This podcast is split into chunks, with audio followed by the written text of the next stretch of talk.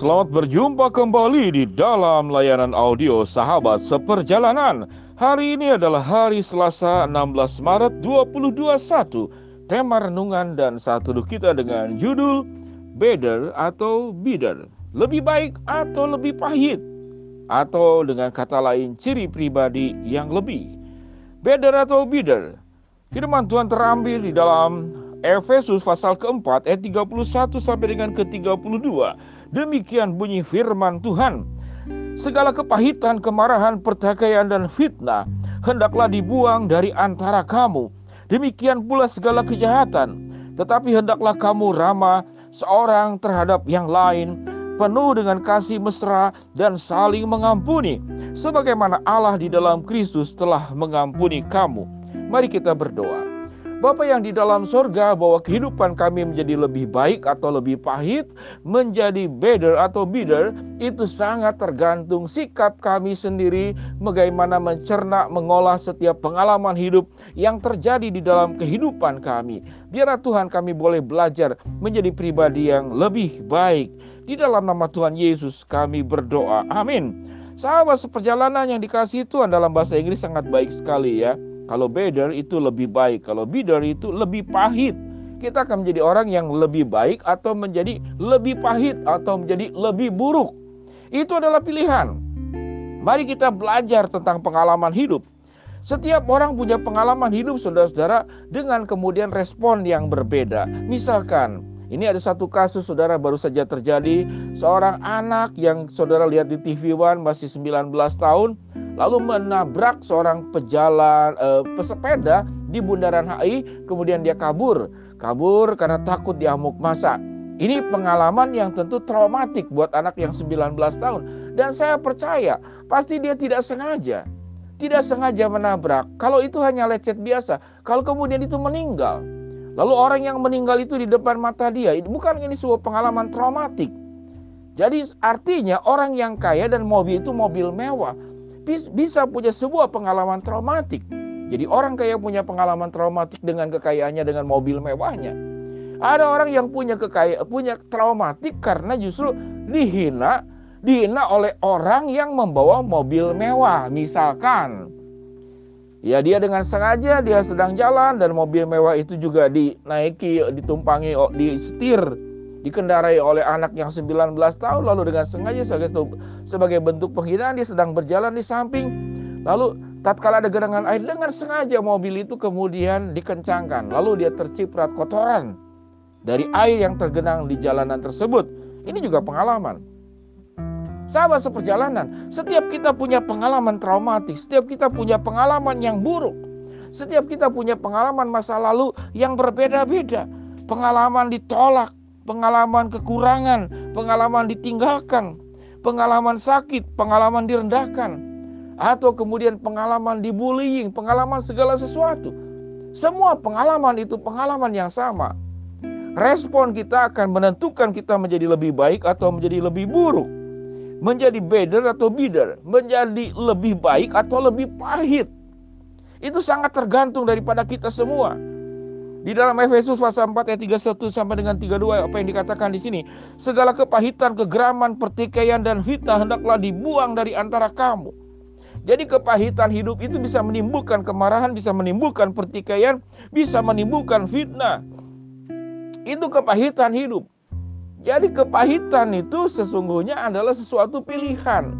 Apakah pengalaman buruk itu kita akan jadikan sebuah kepahitan dan kepahitan itu menjadi racun dalam kehidupanmu. Kepahitan dihianati, kepahitan ditinggalkan, kepahitan engkau diberikan janji palsu, kepahitan engkau dimanfaatkan. Jadi dimanfaatkan segala pengalaman buruk akan menjadi pahit atau menjadi lebih baik atau menjadi lebih buruk sangat tergantung respon kita semua. Sahabat seperjalanan yang cukup cukup menarik saya membaca di Google seorang gelandangan yang bernama Khalil Refati. Di masa kecilnya itu dia adalah seorang pecandu narkoba. Dia masuk keluar daripada narapidana. Pengalamannya itu hancur-hancuran. Ya dalam kondisi dilecehkan seksual karena sebuah pengalaman hidup dilecehkan seksual, direndahkan, dimanfaatkan. Sehingga dia menjadi seorang pecandu narkoba, kemudian masuk kemudian ke dalam mana? Ke dalam sel tahanan. Namun pada waktu kemudian satu hari mamahnya itu meninggal karena kanker. Mamanya yang begitu mencintai dia, yang begitu mengasihi dia. Dia terbelalak kaget ternyata bahwa kehidupannya itu sudah membuat orang tuanya, ibunya itu stres, depresi luar biasa. Bagaimana membimbing anaknya menjadi lebih baik? Dan dia bertekad untuk memberikan yang hidup yang lebih baik kepada ibunya. Namun ibunya tidak bisa lagi melihat perubahan yang terjadi. Namun dari sanalah kemudian dia menjadi seorang pebisnis yang sangat luar biasa pebisnis yang sangat luar biasa yang sebut dengan bisnis Sun Life yang ada ratusan cabang di Amerika Serikat yang bernama Khalil Rafati. Ini satu contoh. Contoh-contoh yang lain juga itu sangat banyak.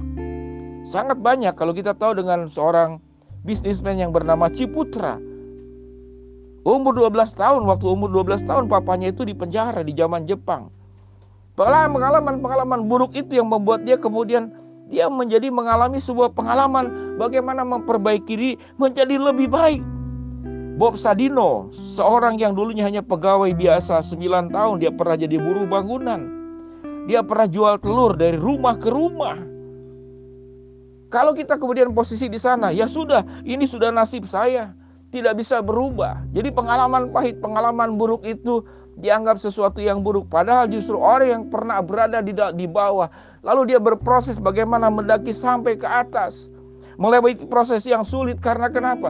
Karena dia akan berjuang menjadi pribadi yang lebih baik, pribadi yang better, bukan menjadi pribadi yang bitter yang menjadi lebih pahit pengalaman hidup itu menjadikan dia semakin pahit, semakin terpuruk, menjadi marah, bertikai, kemudian tidak puas, menyalahkan orang lain, menyalahkan situasi, menyalahkan orang tua. Mengapa saya dilahirkan ke dalam dunia ini dan segala sesuatunya? Sahabat seperjalanan yang dikasih Tuhan. Kalau kita meyakini bahwa sikap kita itu menentukan kita akan menjadi lebih baik atau menjadi lebih buruk. Apalagi Tuhan menjanjikan kita adalah rancangan damai sejahtera, rancangan masa depan yang penuh dengan harapan. Tuhan akan menyertai engkau. Sehingga dengan demikian sahabat seperjalanan, jangan salahkan masa lalu, jangan salahkan pengalaman pahitmu, jangan salahkan latar belakangmu, jangan salahkan lingkungan, jangan salahkan orang tuamu, jangan salahkan gurumu. Tetapi pengalaman pahit itu yang membuat engkau menjadi lebih baik atau menjadi lebih buruk sangat tergantung respon daripada dirimu sendiri.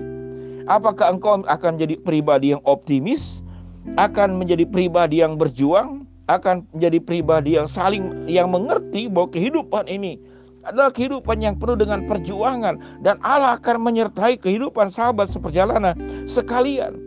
Sehingga mari seperti firman Tuhan katakan, segala sesuatu yang buruk itu kita akan buang, kepahitan, kemarahan, pertikaian, fitnah.